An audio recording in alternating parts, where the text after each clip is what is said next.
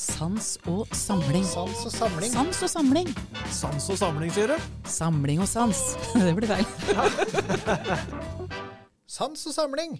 Velkommen til en ny episode av podkasten Sans og samling. Mitt navn er Eivind Thorsen, og med meg har jeg som vanlig ringreven, Slottsfjellmuseets egen Peter Bøttinger. Velkommen. Takk, takk. Hallo, hallo. Og I dag har vi en uh, spennende episode, for vi skal nemlig prate litt om hvalfangerbrigaden. Og uh, om altså, da hvalfangerne som uh, ble soldater under den andre verdenskrig. Og en som kan mye om dette, det er George Michael Bratli. Velkommen til deg. Hjertelig takk. Du er jo, jeg ser på deg, Vi kjenner hverandre, for vi har jo nemlig samarbeida Hvalfangstmuseet og din forening som du representerer, om en utstilling på Hvalfangstmuseet. Men kanskje du først kan fortelle litt om hvordan du blei interessert i disse hvalfangerne som ikke kunne reise hjem, men som da endte opp eh, i Storbritannia som eh, soldater. Ja, det, det var jo flere grunner til det. En av grunnene var jo at min far var en del av det. Han gifta seg jo i, i Skottland, så min mor er skotsk. Og øh, store deler av øh, familien øh, til far endte opp i Storbritannia på en eller annen måte, stort sett som torpederte sjøfolk. Mm. Og dette prata de veldig lite om. Og etter hvert som jeg ble voksen, så ble jeg litt mer interessert i hva var det de hadde vært borti. Men eh, det kulminerte i 2015, da vi var på en privat arrangert eh, tur til Dumfries i Skottland i forbindelse med Memorial Day, hvor det skulle være kransenedleggelse på de norske krigsgravene i den sydvest eller byen Dumfries, som i starten var hovedsete for den uh, norske brigaden. Det de andre ikke visste, det var jo at uh, min fars svoger, altså min, onkel, han var den første norske soldaten som døde i Skottland. Så jeg fikk da legge ned krans på Hansis grav. De andre som var med, var, vi var alle helt ukjente for hverandre. Men vi holdt kontakten og begynte å komme mer og mer sammen og diskutere og utveksle ting om ja, hva vi visste. De fleste som var der, hadde hatt fedre eller besteforeldre involvert i dette. Så ble vi enige om at vi skulle starte en forening, og den fikk navnet Scottish Norwegian Connection. Og Formålsparagrafen der det var jo at vi skulle ta opp igjen og jobbe videre på det eh, vennskapet eh, som nordmennene skapte med den, norske, med den skotske eh, befolkningen under krigen. Eh, nordmennene, eh, uansett hvor de var hen i, i Skottland, ble veldig populære. Og en av de grunnene til det var vel kanskje den starten eh, som var eh, noe spesiell. Mm. Men eh, for oss så var det å finne ut uh, mer. Så starta vi foreningen her i Sandefjord. Det er en landsdekkende forening, men uh, med sete i, i, Sandefjord. Og den starta vi da i 2018, mai 2018. Og det har utvikla seg. Vi tenkte at uh, vi skal prøve å få noe mellom to permer, og tenkte på å lage et litt tjukt hefte om uh, og sjøfolk som havna i eksil i Storbritannia, spesielt Skottland. Men uh, når vi begynte på dette, så raste det inn med informasjon i såpass store mengder at det endte opp med ei bok på 450 sider som tar de to første åra. Ja. Dette ble uh, ganske formidabelt, syns vi, da. Ja, Den boka må vi snakke mer om etterpå, for jeg vet jo at dere er i gang med en ny utgivelse også. Når du nevnte det her med Scottish Norwegian Connection, hvor mange medlemmer uh, som cirka har dere? Og er det stort sett etterkommere av de som var med på dette her, eller er det vanlige historieinteresserte? Det er alt. Uh, det er noen etterkommere, noen som har historisk interesse eh, av dette her. Og, så medlemsmassen er ganske spredt når det gjelder eh, kunnskapen eller forhold eh, til det som var der borte. Men interessen for den saken er, eh, er ganske stor, både i inn- og utland. Så vi har jo mange som følger oss på Facebook og uh, sånt når vi legger ut uh, ting der. Uh, og ja, vi hadde et medlemsmøte i går kveld hvor det var stappfullt hus på Forsmannssenteret. Så interessen for informasjon og deltakelse i dette, den, den, er større enn det vi trodde. Nei, det var jo, som jeg nevnte innledningsvis, så, så samarbeida jo museet med Scottish Norwegian Connection i forbindelse med denne utstillingen. Og det passa jo fint at det sammenfalt med at det var eh, frivillighetens år i 2022. Det skal vi komme mer inn på etter hvert. Men jeg tenkte, la oss nå begynne eh, i 1939. Eh, når eh, krigen i Europa er i gang, og den norske hvalfangstflåten er på vei eh, sørover til Antarktis. Hvilke forhåndsregler måtte de treffe for når de da skulle reise nedover? Du vet kanskje noe om det? Ja, det var jo litt spesielt, da. Eh, altså, Veldig mange av disse ekspedisjonene som gikk ut, var norsk eide, men utenlandsk registrerte. I hovedsak eh, Storbritannia, og eh, noen i, i Syd-Afrika, noe i Panama osv. De var norsk eide, og de holdt jo til i Vestfold-området. Så når de gikk ut uh, høsten 39, så var det en av de aller største ekspedisjonene som gikk ut noen gang. 28 kokerier og 240 hvalbåter som var med den sesongen. Eh, de kunne jo ikke gå vanlig pga. at krigen i Europa hadde jo starta 3.9. mellom Frankrike, England og, og Tyskland pga. Tysklands eh, angrep på Polen. Så Eh, gå over Nordsjøen og Engelske kanal og ned, det var utelukket. Så de måtte gå rundt Norge og opp til Stadland omtrent, og så ut i Norskehavet og gå nord for Færøyene, og så videre nord for Skottland og ned langs Syd-Amerika og ned til feltet for å unngå krigshandlinger. Og så, Hvordan var sesongen der nede da? Var det, Merka de noe til krigen der nede, tror du? Nei, sesongen der nede den uh, gikk veldig bra. Og økonomisk så var det en av de beste sesongene ever. Så når de slutta uh, sesongen der i slutten av mars i 1940, så var jo Norge fortsatt ikke i krig når de starta på, på hjemturen. Mm. Men det skulle forandre seg på vei hjemover? Ja, det forandra seg ganske heftig. De to første båtene som kom borti eh, at ting hadde endra seg, var jo kokeriene til Melsom. Eh, Nelson Alonso og Lansing. De gikk opp til Rio.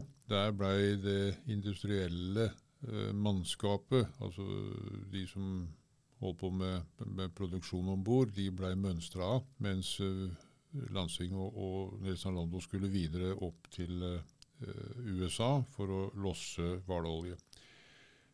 De 425 som uh, mønstra av uh, i Rio, de gikk om bord i en italiensk uh, passasjerbåt som skulle frakte dem til Europa. De kom til Las Palmas 9.4, og da var hun plutselig krigsfanger. Og ble tatt ifra en del rettigheter, fordi Italia var jo en del av aksemaktene. Og så det blei litt Eh, vanskelig for disse som da var på, trodde de, på vei hjem. De ble tatt med videre oppover. De kom opp til Gibraltar, så ble de praia av en eh, engelsk destroyer som overtok dette. Og de ble omplassert på en annen båt og frakta til eh, Marseille. Der ble de satt i interneringsleir med nokså eh, vanskelige forhold. Dette var kun fordi de var norske, og ja. Norge da ble trukket med i krigen? Da var det jo automatisk eh, Ja, og så var jo forholdene sånn, eh, skriver flere av disse i dagbøkene sine, at eh, de opplevde franskmennene som pro-tyske. Og den norske konsulen der nede, han var en nazist. Og det medførte at de eh, var i, kom i denne interneringsleiren. Men de var ikke der så mange dagene uh, før de ble flytta ut og innlosjert i lasterommet på uh, en båt som lå i opplag ute i havna på Marseille. Og forholdene der, som de skriver, de guttene som var der, at uh, det største tidsfordrivet det var å, å slå i hjel rotter. Mm. De var heldige. De hadde med seg fangstlegen, doktor Hauge. Han snakka flytende fransk, og han var en, eh, tydeligvis en veldig bestemt mann, så franskmennene de hadde stor respekt for han. Så det blei eh, ordna så de skulle få lov til å reise hjem til Norge. Så midt i mai eh, så går de med tog opp til eh, Paris. Så istedenfor å fortsette videre oppover mot Tyskland og reise hjem, så bytter de tog og tar tog til Le Havre. Dette var i disse dagene hvor uh, tyskerne tok Holland og Belgia, så krigshandlingene var rimelig eh, heftig. De kom med den siste båten fra Le Havre over til Storbritannia.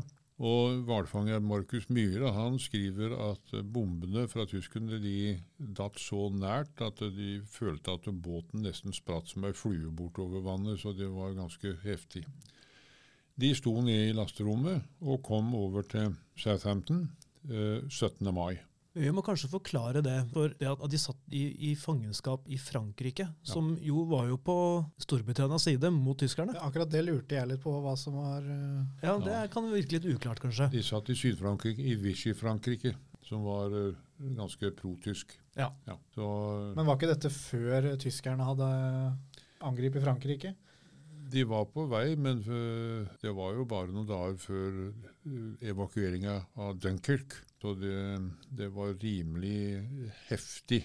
Mm. Omtrent øh, de samme dagene så gikk jo Southern Gem, en Salvesen-hvalbåt, alene oppover der og kjørte sikksakk mellom torpederte og bomba skip. Og Engelske kanalen var et utrolig farlig sted. Men hva med resten av eh, For dette var jo de som mønstra ved Rio. Hva med resten av eh, hvalfangerflåten? Syv kokerier eh, gikk eh, opp eh, til USA og Canada, til Halifax, og 19 hvalbåter. Noen hvalbåter gikk eh, inn til Syd-Afrika, men de aller fleste eh, gikk opp da mot Storbritannia. De hadde jo fått beskjed om å gå til nærmeste nøytrale eller allierte havn. For de kunne ikke reise til Norge. Nei, de fikk jo også eh, telegram fra Quisling at de skulle gå enten til Norge eller alliert havn. Men det svaret de unison sendte tilbake, var ganske heftig og et klart nei. Så de gikk eh, opp til eh, Storbritannia. For det gjaldt vel da for eh, at ikke nazistene skulle få tak i alle båtene og kokeriene og bruke det i, Ja, i krigen. da. Eh, Tyskerne de, de var jo interessert i tre ting. Det var for det første Hvalolje var jo gull verdt. Mm. De var jo søkkelasta med, med hvalolje, disse kokeriene og transportbåtene. De var også veldig interessert i å få tak i den hvalfangerflåten. Altså, de ville jo ikke at dette skulle komme i allierte hender. Og de var heller ikke interessert i at et så stort mannskap som dette skulle uh, komme uh, de allierte til gode. Etter hvert som de, de kom opp, så ble jo disse uh, båtene konfiskert. eh, og 176 hvalbåter blei ble eh, bygd om til orlogsfartøyer. Og kokeriene, når de hadde tømt lasta si, så eh, begynte de å gå som tankbåter for de allierte. Dette gjorde jo at uh, utrolig mange tusen mannskaper ble frigjort. Da de gikk fra Norge i 39, så var det 6200 mann eh, totalt Mm. i den norske, norske eller norskeide hvalfangstflåten. Og 5200 av dem var fra Vestfold. Ja, så det var veldig Vestfold. eh, Veldig Vestfold Mm. tyngde i, i, i- dette. Det går et slags geografisk skille eh, omtrent ved Jarlsberg hovedgård i Vestfold. Altså kommunene den gangen syd for dette var de tunge eh, kommunene med eh, Sandar kanskje med desidert flest hvalfangere. Og Nøtterøy, Sem, Andebu, Stokke osv. osv. Mm. Og Larvik og, og, og kommunene rundt der. Vi må kanskje skyte inn der at Sandar det var jo, er jo i dag en del av Sandefjord kommune. Ja. Mm. Og i tillegg da, til eh, det, så hadde jo eh, Vestfold eh, over 8000 mann ute i eh, handelsflåten. Mm. Så Vestfold var veldig tungt representert ute. Men eh, den eneste koka som eh, kom i klammeri med noe, det var eh, kokeriet Unvelico. Det var registrert i Syd-Afrika. Det, før krigen en gang så het det Sir James Clark Ross. Og så ble det solgt til et norskeid selskap i Syd-Afrika.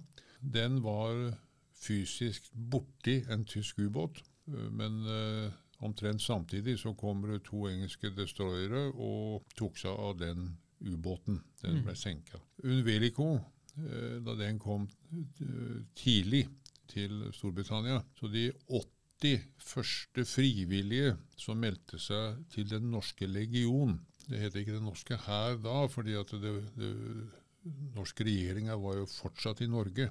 Så det var eh, militærattachéen i London som på mer eller mindre eget initiativ Mm. eh, satte i gang å, å rekruttere.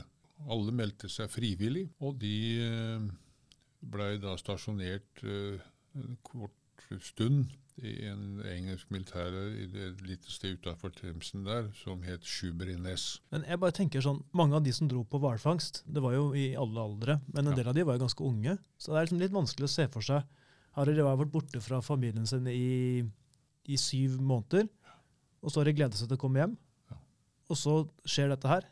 Og så står de der plutselig da i Storbritannia da, med ingen anelse om hva fremtiden bringer. Det må jo ha vært litt vanskelig kanskje for Det var, For en del av dem? det var veldig vanskelig. Og Mm. de blei frustrerte, eh, de blei sinte. De hadde forskjellige måter å utagere dette på. 10% av de som seilte ute, og 10% av de som eh, meldte seg til det norske frie forsvaret i Storbritannia, var barn. Altså under 18 år. mm. Yngste rekrutten, eller de to yngste, de var 14 og 15 år. Det var egentlig eh, til å begynne med en regel at de mellom 16 og 60 skulle innrulleres i norske legion. Det var hæravdelingen. Så hadde du norske marinen og de to norske flyvåpna. Norge hadde to flyvåpen den gangen, marinen og Hærens. I januar 41 så ble det vedtatt eh, i regjeringa at eh, alle norske menn i allierte land mellom 16 og 55 år, de skal eh, innrulleres så sant de besto den fysiske og, medisinske testen. Og dette skjedde ganske eh, fort, eh, egentlig. De første som kom til Sjubernes, de var jo der tidlig i mai. Og engelskmennene de fatta ganske fort veldig interesse eh, for nordmenn som hadde meldt seg. Fordi de var interessert i å få tak i norske sjøfolk som ganske fort kunne reise tilbake til Norge og drive sabotasje. Så eh, SIS, altså Special Intelligence Services, de kontakta en norsk advokat som het Munte, kom fra Bergen, som hadde kontor i London, og en representant fra Sjømannsforbundet. Og de rekrutterte da eh, seks hvalfangere, eh, alle fra Tønsberg-regionen, til eh, å reise opp til Bucky i Nord-Skottland. og der hadde de leid inn ei dansk eh, skøyte som pga. motorkraften eh, var den valgt, og bygde om litt som skulle se norsk ut, for å reise tilbake til Norge og starte sabotasje. Og de reiste fra Bucky 17. mai 1940. i 1940 Mm. mot eh, Shetland, hvor de fikk om bord sprengstoff og våpen, og så over til Vestlandet. Med, de der var da konkrete mål på kraftstasjoner og annet som skulle settes ut av spill, sånn at tyskerne ville få litt vanskeligheter. Men da ble det jo sendt ganske uten opplæring. Totalt uten opplæring, og det var jo også det som gjorde at det ble ganske fatalt. Men hvorfor, hvorfor ble de valgt? Var det bare pga. at de var norske? Ja. For å være, øh, fordi Hvis de var fra Tønsberg, så var ikke de noe mer kjent på Vestlandet enn Nei, og det kom jo ganske greit fram at de var jo totalt ukjent på Vestlandet. Så når de kom til Shetland, så fikk de med seg en kjentmann. Det var en, eh, en emissær fra Hordaland som hadde kommet over. Og han skulle være med som kjentmann. Og han ble jo ganske kjent, kanskje mest i engelske aviser, for uh, sette av en ladning som de hørte over hele Hordaland uten at den gjorde noe skade. Hele greia ble mer eller mindre en, en fiasko. Et par av de måtte de sende tilbake. De havna litt på kant med på forskjellige måter med både lokalbefolkningen og de som var sjefen for dette. Og Det endte jo også opp med at uh, skipperen om bord, som bodde i Sandar, uh, han var fra Tjøme, han og makkeren de ble angitt og havna da i tysk fangenskap i Bergen. Og ble skutt på Ulven leir da høsten 41. Så det var starten på Shetlandsgjengen. Ja, Men når de da ble sendt over, så var jo fortsatt Norge i krig her hjemme. Ja. Regjering og kongehus var fortsatt i landet. Men så flykta jo de, og vi la jo ned våpnene her i Norge. Mm. Økte det rekrutteringen i Storbritannia? Det at kampen skulle nå foregå videre fra utlandet, på en måte? Ja, altså alle som meldte seg, meldte seg frivillig. Altså de første 80, altså da tidlig i mai, som kom til Sjuberines, de var der bare kort tid. Så ble de sendt opp til, til Hamilton utenfor Glasgow. Der oppe hadde flere av Salvesens kokerier kommet inn. Og der var det jo flere hundre mann. Og så kunne de ikke være der. Så hadde War Office i London da leid inn eh, to industribygg i byen Dumfries. Da de kom dit, så var de til å begynne med bare i noen dager en, i underkant av 500, og et, det var i midten av juni. 1. juli så var de over 1000, mm. og så dro det på. Så de, var, de industribygga, jeg har sett noen bilder av det der. ja. det, det, ser, det, var jo der de ble innkvartert, i Dumfries. Ja. Det ser ikke ut som det var noe sånn luksus... Uh... Nei, det var så langt unna luksus som du kunne komme.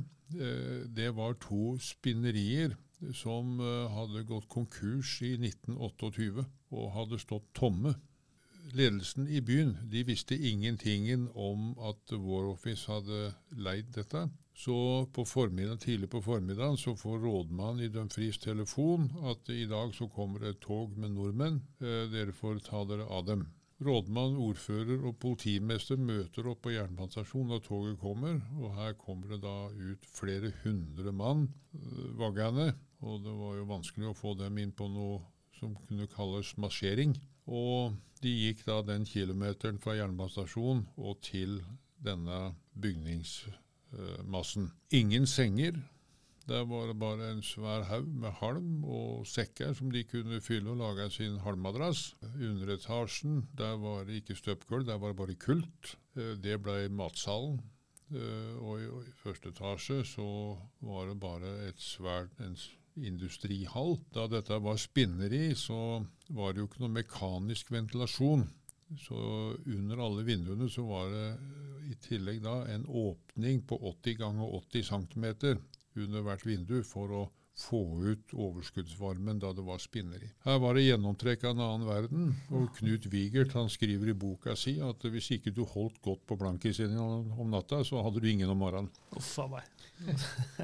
Men trekk, ja. dette var ganske dårlige greier. Eh, I taket så var det mye glassvinduer som var eh, knust. Og Duer og annet fløy ut og inn og gjorde sitt. og Det regna inn. Og de kunne våkne om morgenen klissvåte og fulle av fugleskitt og litt av hvert. Og de begynte å bli sjuke. Ja, og det her skulle altså da være basen for en ny norsk militæravdeling som ja. skulle hjem etter hvert og kaste tyskerne ut. Norwegian Reception Camp Dumfries. Det var det første navnet. Etter kort tid så, så ble det Norwegian Army Camp Dumfries. Her hopa det seg opp med folk. I juli uh, så kom det en representant for marinen uh, som da gikk bak ryggen på general Fleischer. General Fleischer drømte om en full brigade. For Fleischer det er han samme som leda forsvaret av gjenerobringen av Narvik. Ja. Så han hadde jo en høy stjerne. Han hadde en Mm. veldig høy stjerne, og han var da forsvarssjef. Og da kom det opp en representant og rekrutterte 800 mann fra hæravdelingen i Dumfries til marinen. Dette blei ikke populært. Så det rappa rett og slett eh, soldater fra, fra Fleischer. Ja, dette blei nokså heftig, og det var vel uh, Churchill og hans folk som satte hæren ned for at det skulle ikke skje mer. Men så var det en annen luring da, som kom på banen, og det var Martin Linge. Han hadde også fått lov til å reise til Dumfries og hente mellom 25 og 30 mann i måneden til Kompani Linge, til han hadde fulgt kompani. Dette blei også etter hvert uh, stoppa. Da tok vel de kanskje de beste soldatene òg, vil jeg anta. Ja, de var det, stort sett det. Mm. Så det tok tid å bygge opp. Altså 6000 mann var innom uh, brigaden i løpet av krigen, men den ble aldri Da krigen slutta, så var de 4000.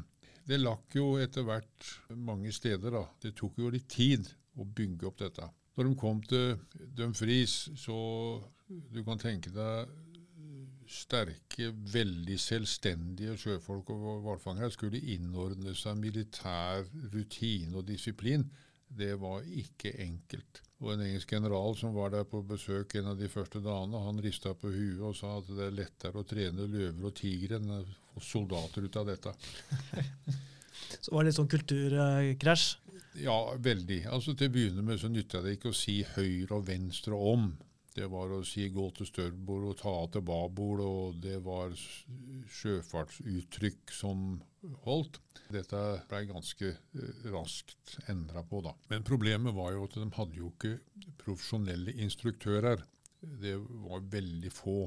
Etter hvert så retta det seg. Men så dreiv de jo da en rekruttskole som eh, var ganske enkel. De var jo helt fortvila, for de brukte manual, altså bøker, manualer der som var fra eh, 1912. Og når engelskmennene oppdaga dette, så satte de foten ned. Så de hadde først en sånn eh, ganske enkel rekruttskole, selv om det sikkert var tøft nok for folk som ikke hadde kondis. Men da ble de sendt på engelsk rekruttskole, opp til et regiment i Glasgow-området som heter Cameroons. Og da fikk de virkelig eh, prøvd seg hva det ville si å være i militæret. For det var, var det der de fikk eh, våpen og utstyr? Og, hvor, hvor fikk de det fra? Hvis de skal bli soldater, så må de jo ha litt eh, utstyr. Ja, Til å begynne med så hadde de verken uniformer eller våpen. Det var to grunner til det.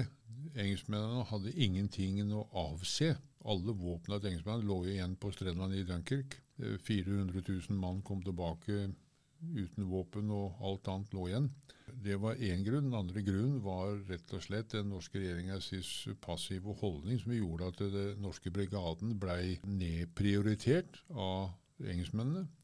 Her ble det også satt foten ned. President Roosevelt han sendte to millioner håndvåpen eh, til Storbritannia, og det retta opp sånn at her eh, var det våpen å få. Så det, de kom jo i gang. Du nevner Dunkerque. Det er ikke sikkert alle husker helt hva det dreide seg om, men det var vel denne her at britene med nød og neppe unnslapp tysk omringning. Ja, Ja. Det var Og de måtte la våpenet ligge igjen og mista mye utstyr. alt av eh, biler, stridsvogner, alt Ja. var og gevær og alt lå igjen. Det var bare å, å få folk om bord i alt da, som kunne flyte av båter. Ja. For å få, og de greide i løpet av noen dager å redde 400 000 mann eh, over engelske kanal. Fra Belgia eller Fra Frankrike, fra, fra Dunkerque. Frankrike, selvfølgelig. Men eh, nordmennene, når de kom til Dumfries, ukjent land, ukjent by, eh, forbanna for at ikke de kom hjem, frustrerte i det hele tatt. Og så kom de inn i denne brakkeforretningen, da, som var en eh, ganske råbarka industrihall. Men de hadde penger. De hadde penger. Ja. Og de hadde jo, når de ble mønstra, så fikk de jo hyra og parten, altså sånn eh, prosentandel av omsetninga av dette hvalgreiene, eh, utbetalt i cash. Eh, I snitt så hadde de et eller annet sted mellom 700 og 800 pund. Den gangen så sto pundet i 20 kroner. Men det, her det tilsvarte fire, ja, i underkant av fire skotske årslønner. Såpass, ja. Ja. ja. Da er det jo ikke akkurat som vanlige soldater. eh. Nei, og altså Da begynte, jeg, jeg sier det med glimt i øyet, en integreringsperiode som er ganske unik. Altså man eh, kan snu allting opp ned. De som eh, var forbanna og ikke ville ligge på disse halmmadrassene, de reiste til byen og kjøpte seg seng. Andre valgte andre ting å gjøre, så her ble det et Klondyke eh, som eh, satte spor. For denne byen Dumfries, hvor stor var den? Hvor, merkbart var det at det var eh, 1000 nordmenn med fire årslønner i lommene som Ja, ankommet? Det syntes veldig 20 000 mennesker bodde det der. Kompakt by med relativt mange eh, puber og skjenkesteder. Dette eh, skapte jo litt eh, problemer i startfasen. På lørdagen, da hadde de vært der i to dager, så sier rådmann til staben sin at på mandags morgen så vil jeg ha en rapport på mitt skrivebord om hvordan det har gått med nordmenn her. Han var bekymra for det, en ny by, kjente ikke folk og sånn og sånn, så han tenkte omsorg. Og på mandagen, når han kom på jobb, så fikk han rapporten, og så spør han åssen har det gått med nordmennene, og da får han til svar at det gikk veldig bra med nordmennene, men resten av byen er drita fulle. Så de, de spanderte. Ja, de, Den gangen så kosta en pint uh, seks pence. Og du kan tenke deg når det kommer hundrevis av mann inn, og så smeller en 20-pundseddel på bardisken og sier at det 'drekk på meg'. Det måtte jo gå gærent. NRK har en reportasje som ligger på YouTube, hvor de intervjuer rådmann noen år etterpå. og Han eh, forteller om dette, og da sto det i avisa på mandag at eh, nordmennene kom til byen og skremte vettet av alle. I dag er de dus med hele byen. Så her gikk det, gikk det fort. Så nordmennene de ble godt likt umiddelbart, da? Eller? Ja, og det, det var to grunner til det. Det ene var jo penger og sjenerøsiteten. Og det andre var at veldig mange av disse de kunne snakke engelsk. Ja. Så uh, språket var det som også hjalp til. Den gangen så, så var det også sånn i, i Storbritannia at uh, kvinner hadde jo ikke lov til å gå på pub. De, på hoteller så var det greit, for der hadde de en ladies lounge som de kunne gå inn og, og sette seg, mens mennene kunne gå tvers over gangen og inn på pub. Men det var ett sted i byen, en uh, avholdskafé som het Plaza. Det som var populært der, det var at det der var det dans uh, nesten hver kveld med levende musikk, og de serverte kaffe og te og mineralvann. Dette ble jo et populært sted også for uh, nordmenn, for det var jo her alle unge damer i byen var, og de kunne eh, ha det litt hyggelig. Og så lærte de skottene et nytt uttrykk, og det var medbrakt. Så det blei såpass heftig at uh, i den uh, på Plaza at uh, der var det norsk militærpoliti som sto i døra om kvelden. ja, for ble det mye fyll og rør ut av dette her, eller? Eller fikk man kontroll, eller? Ja. Til å begynne med så var det en forståelig utagering på dette pga. situasjonen. Og når jeg har sittet på Riksarkivet og lest militærpolitiets rapporter, og så tenker jeg hvem var det som ikke ble arrestert? Grensa, altså lista, var lagt veldig høyt. De var, de var veldig strenge, for de ville ikke ha noen gnisninger mellom det norske militæret og sivilbefolkningen. Og det greide militærpolitiet på en god måte å få til. Og jeg tror nok at militærpolitiet var blant de mest populære eh, i byen. Fordi, Men det, det, det var en periode hvor det eh, var litt grann eh, basketak, og som de måtte få orden på. Men eh, nordmennene, de, bare i den byen til å begynne med, så ved siden av brakkene der de bodde, så var den første kirken som de fikk bruke i Dumfries, Triquare Church, da de bytta kirke til St. Michael Church 100 meter borti gata, som blei brigadekirken, så hadde ikke den kirken noe eh, døpefont. Eh, dette fikk jeg høre om i 2019. Og jeg tok kontakt med kirken der og for å høre åssen det var. De visste ingentingen. Og vi reiste over og fikk lov å komme inn der. Og så sier han kirketjeneren at er det dette du leiter etter? Og så viser han meg en eikeknott med ø, norske riksvåpenet på, som lå oppi en døpefont. Ja, jeg vet nesten ikke akkurat hva jeg følte da, men er iallfall en uh, utrolig glede. Og hun dama som var med oss, hun hadde små fingre, så hun greide å lirke opp denne sølvbollen. Den var jo svart som ja, sølvfat som ikke hadde vært oppe på 80 år. Mm. Og når vi fikk pussa den, så er den inngravert at det med en uh, takkehilsen fra norske soldater til kirken, fordi at de hadde fått lov til å bruke den under en vanskelig tid. Og det var jo en ganske sjenerøs gave. Den uh, døpefonten er helt fantastisk flott utskåret. Og dagen etter så kjører vi forbi en skole ute på landsbygda der. så så sier hun dama at se på den skolen. Ja, vi stoppa.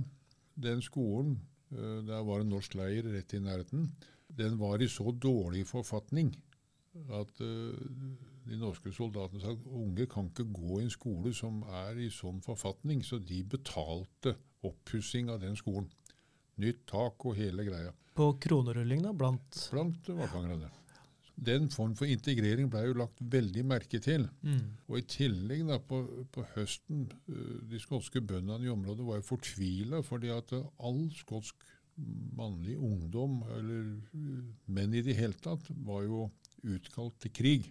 Og de var bekymra for innhøstinga. Mm. Og da sier nordmenn at nei, det tar vi.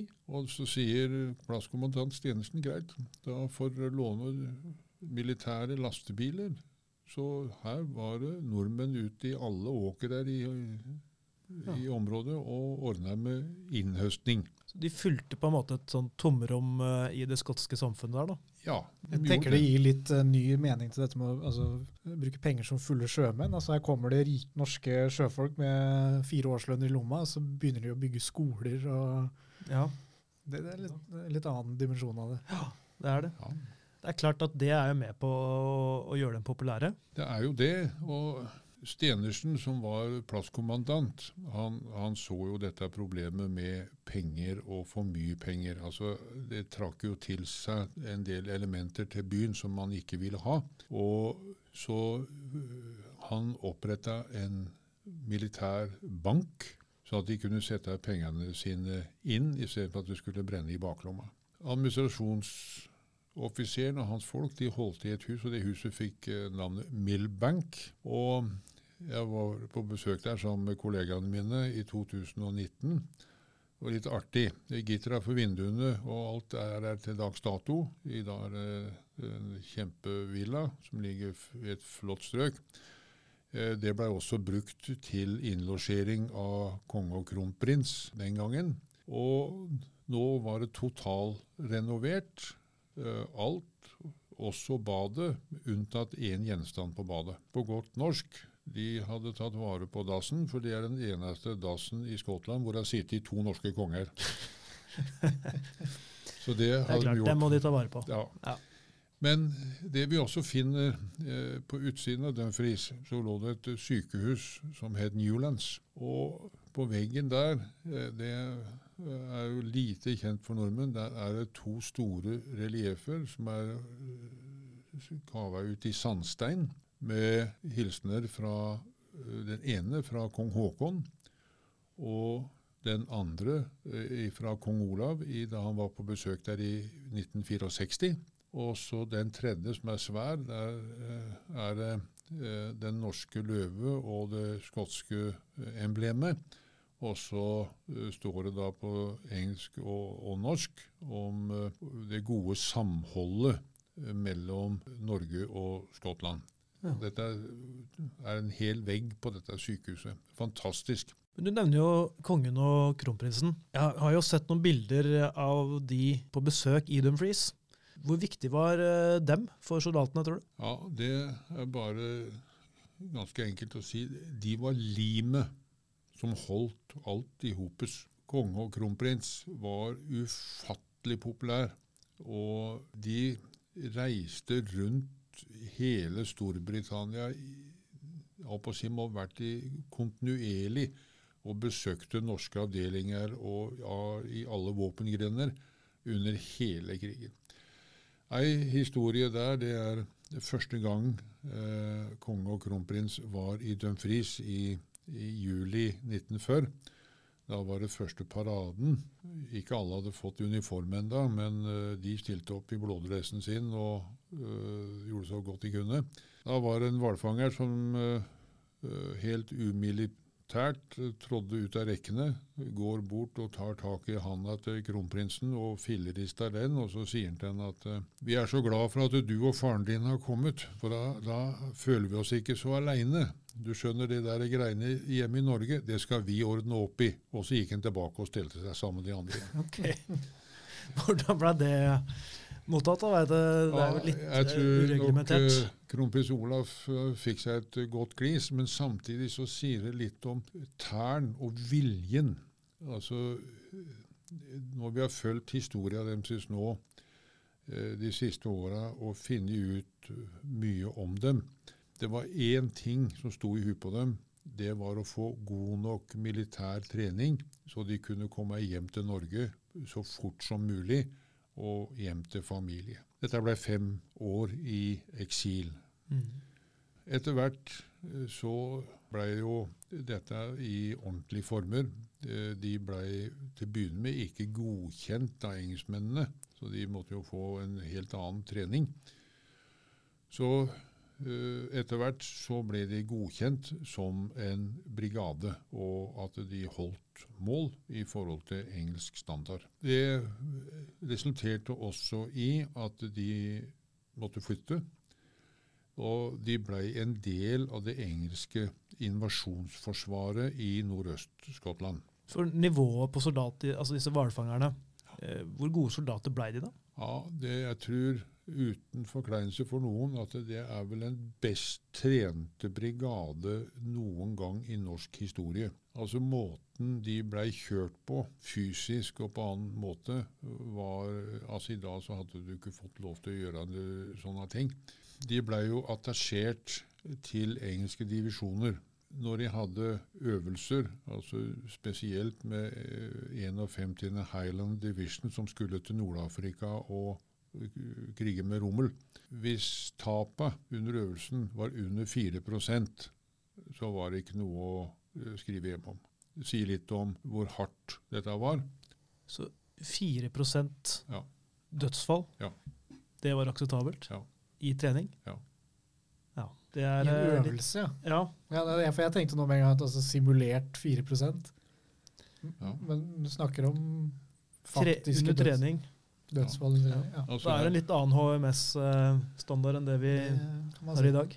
Da øh, første bergkompani skulle bytte leir Som da var en del av brigaden, ikke sant? Ja. Mm. De var i Nord-Skottland, og så skulle de eh, til et langt inn i landet, noe som heter Dale Camp. Det var eh, 20 norske mil i terrenget, som de da gikk på fem dager med alt utstyret sitt. Altså Det var eh, helt ekstremt. De var oppe i over 1000 meters eh, høyde enkelte steder. Og så hadde de med seg hester som var det aller tyngste.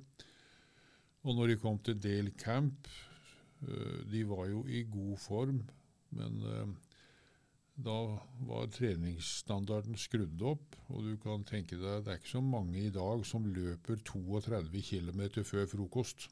Nei, det er nok Vi gjør i hvert fall ikke det, Peter. Nei, det er langt unna. Langt, langt unna. Og det har vi jo sett eh, bilder av det første norske fallskjermkompani. Eh, når de trener i bare en eh, treningsshorts, så ser du disse muskelbuntene eh, som da etter to års trening uten anabole steroider og kosttilskudd og gud veit hva de kjører i seg i dag. Når du ser disse eh, guttene, hvordan de ser ut, så, så ser du at her er det mye trening. Ja.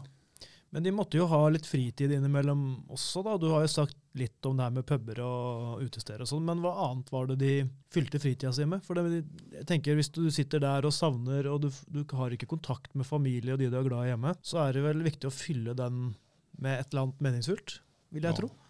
På de plassene de var, det var veldig små plasser. Da var det ikke så forferdelig mye å ta seg til.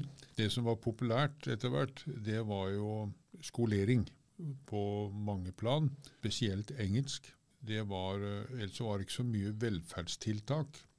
Eh, Noe var det, og de mest kjente som reiste rundt på velferden, det var Nordahl Grieg og, og kona hans. Eh, De var jo rundt eh, overalt og underholdt. Eh, ellers så var det eh, sjømannskirkene i Skottland og, og de militære kirkene som var kanskje det største velferdstiltaket. Og det gjenspeiler også de kirkene som vi har besøkt nå eh, i nyere tid. Eh, overalt så er det eh, gedigne gaver som står igjen som uh, takk fra, fra nordmennene. En prest han ble ganske brydd. En norsk soldat Vi fikk regne i en by som heter Kalander. Helt tilfeldig så sier ei dame til oss under et kaffebesøk at i kirken vår så står det en stol som en norsk soldat har gitt til kirken. Altså, vi tenker en stol, ja, hva, hva slags stol? Hun ordna at kirken blei åpna for oss dagen etter, og vi kommer inn der, og det vi ser med en gang, det er jo reine pavetronen Mm. som en norsk soldat har laga, med utskjæringer som er helt fantastiske. Den har stått oppe på alterringen der i 80 år, og den var inngravert på baksida. Det visste ikke presten. Nei. Han blei oppriktig veldig lei seg for at han ikke hadde sett det, en stol som han brukte hver søndag. Men det her er jo litt, har vi jo sett mange ganger, at folk eh, søker til kirker i krisesituasjoner. Vi, vi står jo også i 22. juli. Folk strømma til kirkene. Og du fortalte om eh, de som i St. Michael's Church til Dumfries, de som da spleisa på denne døpefonten der. Og, så det er vel et ikke, ja. naturlig ting. Det var helt, helt vanlig at 2000 mann kom uh, på uh, søndagsgudstjeneste. Da kom vel ikke alle inn, kanskje? I noen av disse, De måtte jo leie større og større lokaler, Ja. uh, spesielt Sjømannskirken. Eh, vi har eh, eh, Leif Brunvann, som er fra Sandar. Eh, han var sjømannsprest i Litt. Han har skrevet ei bok, og der står alle tall på hvor mange besøkende de hadde på sjømannskirkene i Glasgow un under krigen. Og det er jo helt svimlende tall av antall besøkende til de forskjellige tinga. Og de måtte jo hele tida skaffe nye lokaliteter for å kunne ta imot eh, både soldater av de forskjellige våpengrenene, men også sjøfolk som, som eh, tydde til eh, kirken. Og han skriver så veldig fint i boka si. eh, det var en som spurte ja, eh, da var han på besøk på eh, sykehus, og så var det en som spurte om sengekameraten ved siden av. Ja, men tror du på dette?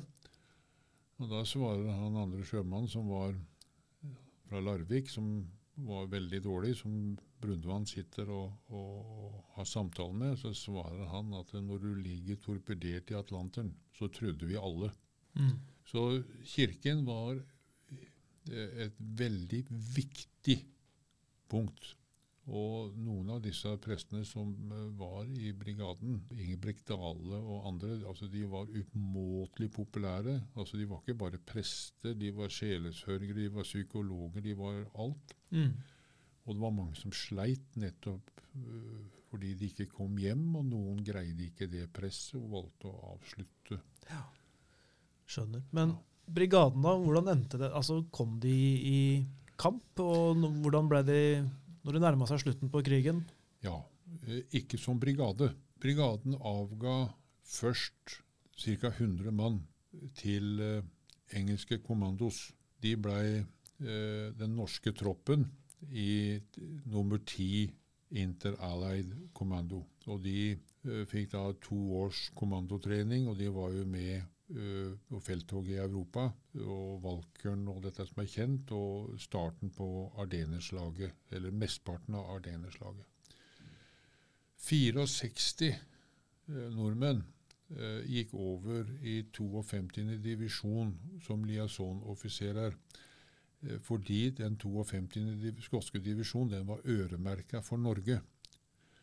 Men eh, de måtte ha han over til eh, landgangen i Normandie, og de 64 fulgte med og var med der, akkurat som kommandosoldatene, fram til ut januar 45.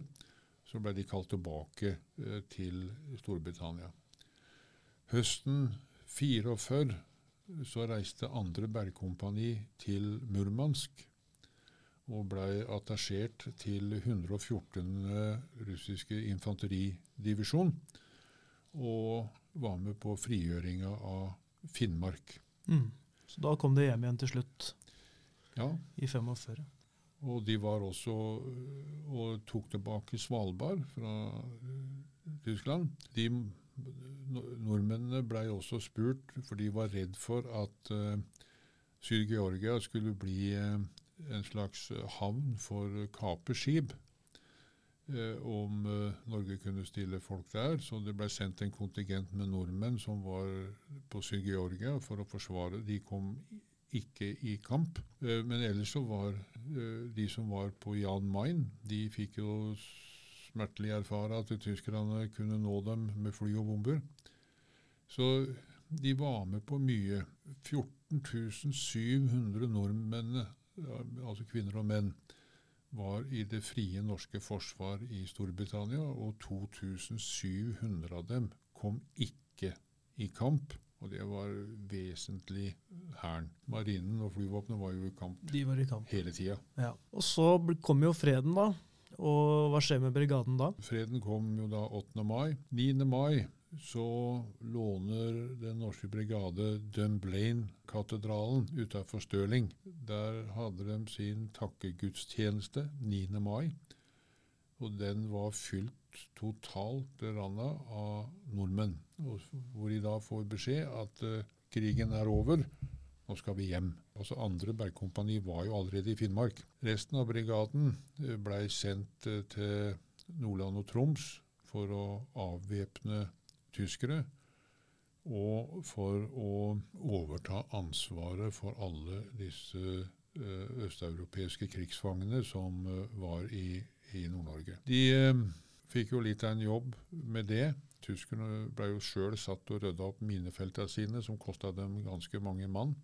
Så seinhøstes de fleste i september-oktober ned til Oslo, hvor de ble dimittert. Da hadde de vært vekk i seks år. Og gleden da på å komme hjem var jo umåtelig stor.